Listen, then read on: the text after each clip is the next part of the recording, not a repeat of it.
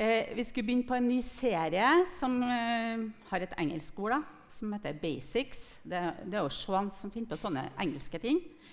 Eh, men det er de grunnleggende ting i troen. Og jeg har fått i oppdrag å si noe om å bruke tid med Gud. Eh, Dette kommer til å bli litt personlig forkynnelse. Eh, vi som familie har jo vært igjennom, eller rettere sagt er midt i, ei veldig tøff tid. Eh, Dattera vår, Deborah, har vært syk i lang tid og døde her i oktober. Eh, og når vi står midt oppe i en situasjon med sykdom, så har vi gjerne et lite håp, eller et håp, om at et under skal skje, og at situasjonen vil snu. Og jeg vet at mange har bedt eh, for det bordet, eh, løfta fram Guds løfter fra Bibelen. Vi har vært omgitt av forbønn.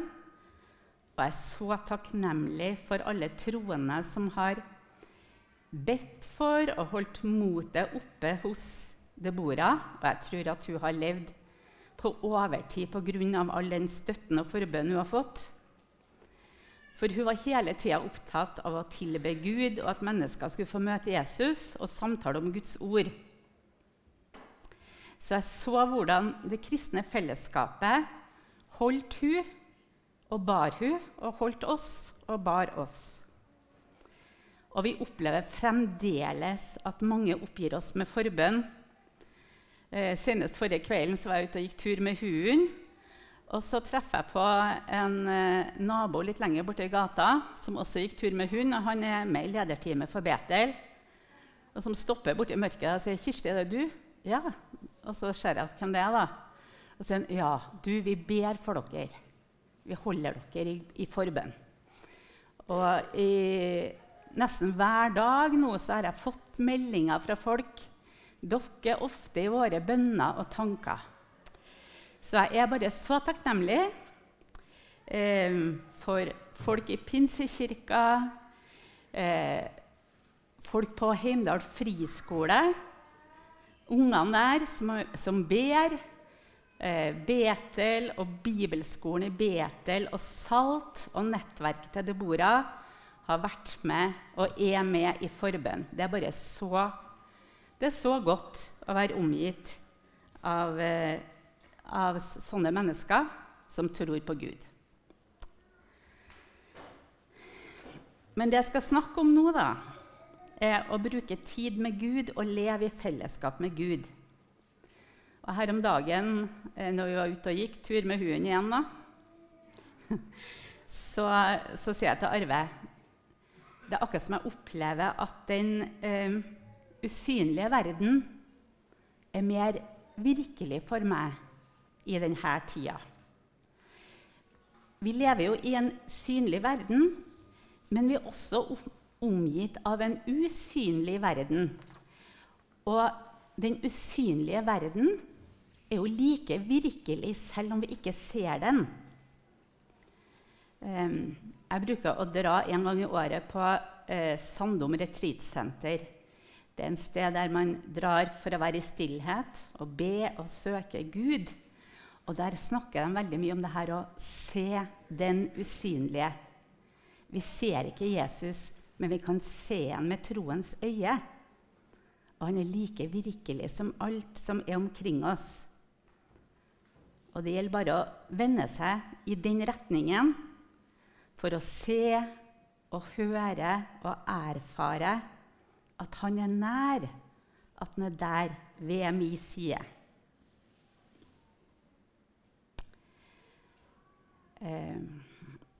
Og det er, ja, det er så godt med det fellesskapet med den usynlige. Til å begynne med, etter at uh, Deborah døde, så, så, var jo hele meg i opprør. Jeg tenkte her er ikke greit. Det er så urettferdig, og hvorfor skjer det her? Og jeg kommer selvfølgelig til å være i dette sorgens rom lenge. Så hvordan blir fellesskapet med Gud nå?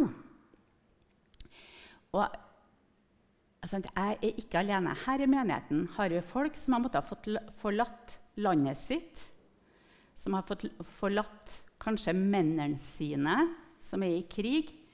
Altså, vi mennesker vi opplever sorgens rom, vi opplever tap. Det er, ikke, det er en del av menneskets kår her i verden å oppleve sorg og oppleve tap.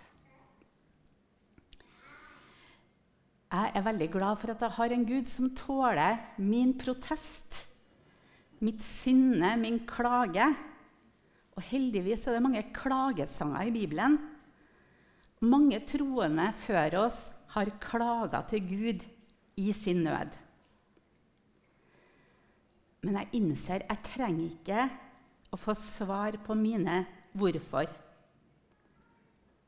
Jeg tror ikke det har hjulpet meg noen ting å vite hvorfor alt det trasige skjer. Um, men det jeg egentlig trenger, det er å være i Guds nærhet. Han som er all trøsts Gud, som trøster oss i all vår sorg.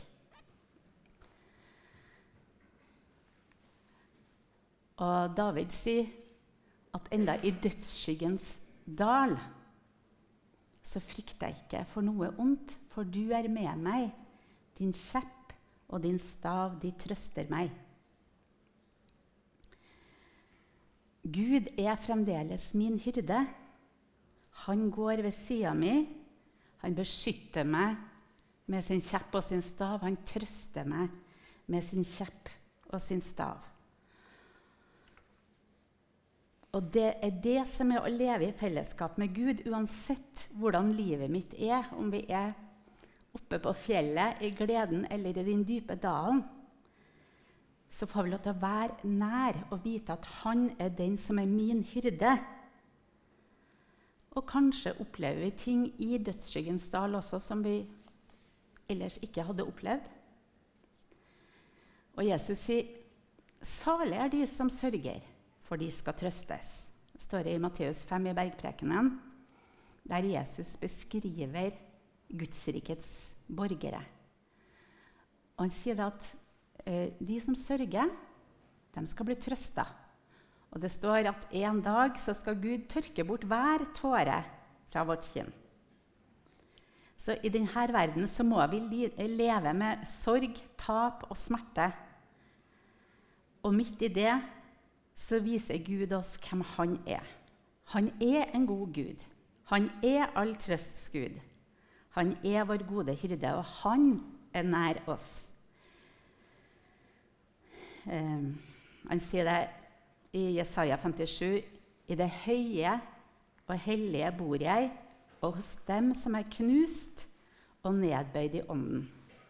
Så Gud bøyer seg ned til oss og er nær oss. Så vi har ikke noe løfte om å slippe smerte, krig, tap, vonde ting. Det hører med til menneskelivet. Men troens enkelhet da, det er å stole på Gud. Han vet hva som skjer, og han er med. Og jeg stoler på at han er der. Og Moses sier en bolig er den eldgamle Gud. Og her nede er evige armer. Det visste de allerede 1300 år før Kristus, at Gud er en bolig for oss. Og her er noen armer som bærer oss gjennom livet. Det er ikke sånn at vi oppsøker tap eller smerte. Eh, men noen ganger så har vi ikke noe valg. Men da er vi omslutta av en Gud som er nær. Og i evigheten så er det ingen, ikke noe tap, ikke noe smerte. Men Gud, han er en god Gud i dette livet også. Så spørsmålet er eh, egentlig Skal tap, smerte, føre oss bort fra Gud, eller skal det føre oss til trøsteren, til Gud, han som er vår trøst. Vi har et sted i Guds nærvær som ingen kan ta fra oss. Det står et eh, vers i 1. Tessalonikerne 4,13. Der står det eh, om at vi ikke skal sørge som de andre, de som ikke har håp. Vi har et håp. Så sant vi tror at Jesus døde og sto opp, så skal Gud ved Jesus også føre dem som er sovnet inn, sammen med ham. Det er snakk om en oppstandelse etter det livet her. Og I Hebreerbrevet står det også at Jesus han holdt ut smerten på korset fordi han visste hva som kom etterpå. Han hadde håp om oppstandelsen, og det har vi i denne verden. Eh, vi har håp om en oppstandelse. Så vi sørger, ikke, vi sørger, men vi sørger ikke uten håp. Eh, så Paulus han er jo veldig frimodig. Det er første Korinterbrevet, kapittel 15, der han snakker om Jesu oppstandelse og vår oppstandelse. Så sier han, 'Død, hvor er din brodd?' 'Død, hvor er din seier?' Så når vi er bevisst på eh, hva som venter oss i evigheten, så har vi håp selv, eh, selv i død og sorg og smerte. Og den oppstandende, han, eh, han lever i oss som tror. Og hans oppstandelse det er garantien for vår oppstandelse. Døden er oppslukt, seieren er vunnet. For i det samme kapitlet her, eh, første kor 15, eh, så, avslutter Paulus med å si Derfor, mine kjære søsken, stå fast og urokkelig. Arbeid raust og rikelig for Herren, for dere vet at i Herren er ikke deres strev forgjeves. Altså etter at han har snakka om oppstandelsen og det evige liv og seieren er vunnet og alt det her, så kommer han med en konklusjon for dette livet. da. Og det er arbeid raust og rikelig for Herren. For dere vet at uh, i Herren er ikke deres strev forgjeves. Jeg tenker sånn um, i mitt liv med Herren her på jorda så har jeg en oppgave. Det er en grunn til at jeg er her. Og Derfor så er en del av det livet som jeg lever nå, det å arbeide raust og rikelig for Herren. Eh, samarbeide med Han i livet her på jorda. Det kommer vi tilbake til vi skal snakke om tjeneste etterpå. Det står i Hebreerne 12.: Derfor, når vi har så stor en, stor en sky av vitner omkring oss. Så la oss legge av alt som tynger, og synden som så lett fanger oss inn. Og med utholdenhet fullføre det løpet som ligger foran oss. Med blikket festet på ham som er troens opphavsmann og fullender Jesus. Og vi må få, der, ja. For å få den gleden han hadde i vente, holdt han ut på korset uten å bry seg om skammen. Og nå har han satt seg på høyre side av Guds trone. Ja, tenk på ham som holdt ut en slik motstand fra syndere, så dere ikke blir trette og motløse. Jeg nevnte tidligere her at, eh, at den usynlige verden har kommet, kommet meg nærmere og blitt mer virkelig Um, og det, det, som vi leste her nå, det følger etter Hebreerne 11, som er det kapitlet som handler om alle trosheltene gjennom historien. Og de er som en sky av vitner omkring oss. Altså, De har ikke blitt borte. De er denne skyen av vitner som følger med, og kanskje heier på oss. eh, jeg tror ikke på at vi skal snakke med de døde, men, men, vi er liksom i et veldig stort fellesskap her. Og eh,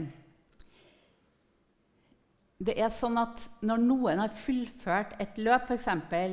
800-meteren, så er det ikke sånn at da bare løper de fra banen og rett i dusjen. Nei, de står og venter på de andre og heier dem inn.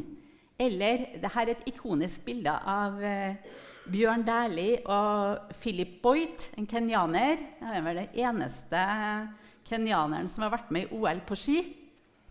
Eh, og eh, Bjørn Dæhlie han vant jo det løpet her. Eh, og han, eh, han, eh, Philip Boyt han kom jo helt til sist. Men Dæhlie han sto der og venta på han. og venta og venta. Og heia og tok imot han når han kom i mål.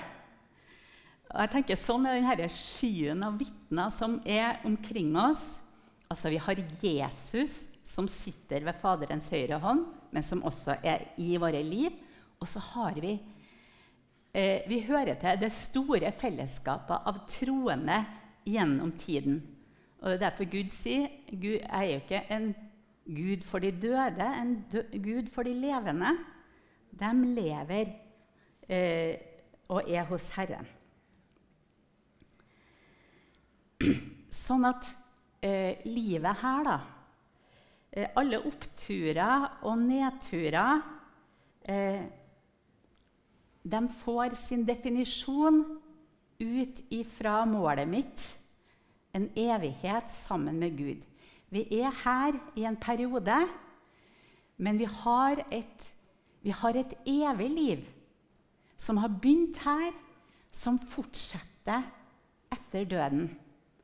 Jesus sa, 'Den som tror på meg, skal leve om han enn dør.' 'Og den som lever og tror på meg, skal aldri i evighet dø.'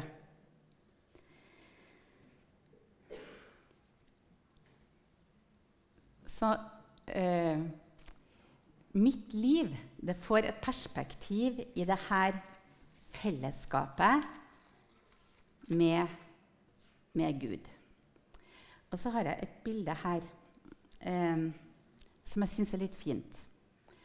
Vi husker fortellingen om Maria som tok et pund med nardussalve. Det var en sånn forsegla krukke som du ikke kunne skru opp, men du måtte knuse krukka, sånn at du måtte bruke opp alt med en gang. Og hun brukte det på Jesus. Det liksom hengivenheten til Jesus. Hun salva Jesus med det kostbare. Eh, som er cirka, Det var ca. verdt en årslønn. Da. Så du kan tenke hva det ville ha blitt i dagens penger. Men det var i årslønn på den tida. Eh, men det som er, eh, Jeg hørte en som ga en illustrasjon om dette. For når Maria hadde hengitt seg til Jesus på denne måten og vært i det fellesskapet med han, så dufta det jo godt i hele rommet. Men hva tror vi det dufta av Maria når hun gikk ut derifra? Det dufta det samme som det dufter av Jesus. Så når vi lever i fellesskapet med Jesus og hengir oss til han, så får vi noe av denne duften med oss. Vi kan være en tilbeder av Jesus og ære Jesu navn.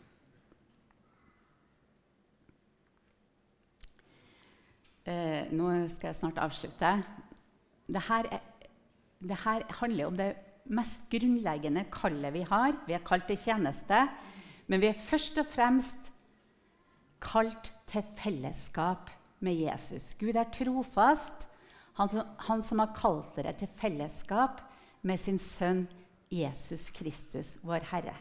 Vårt aller første kall, det er å ha fellesskap med Han.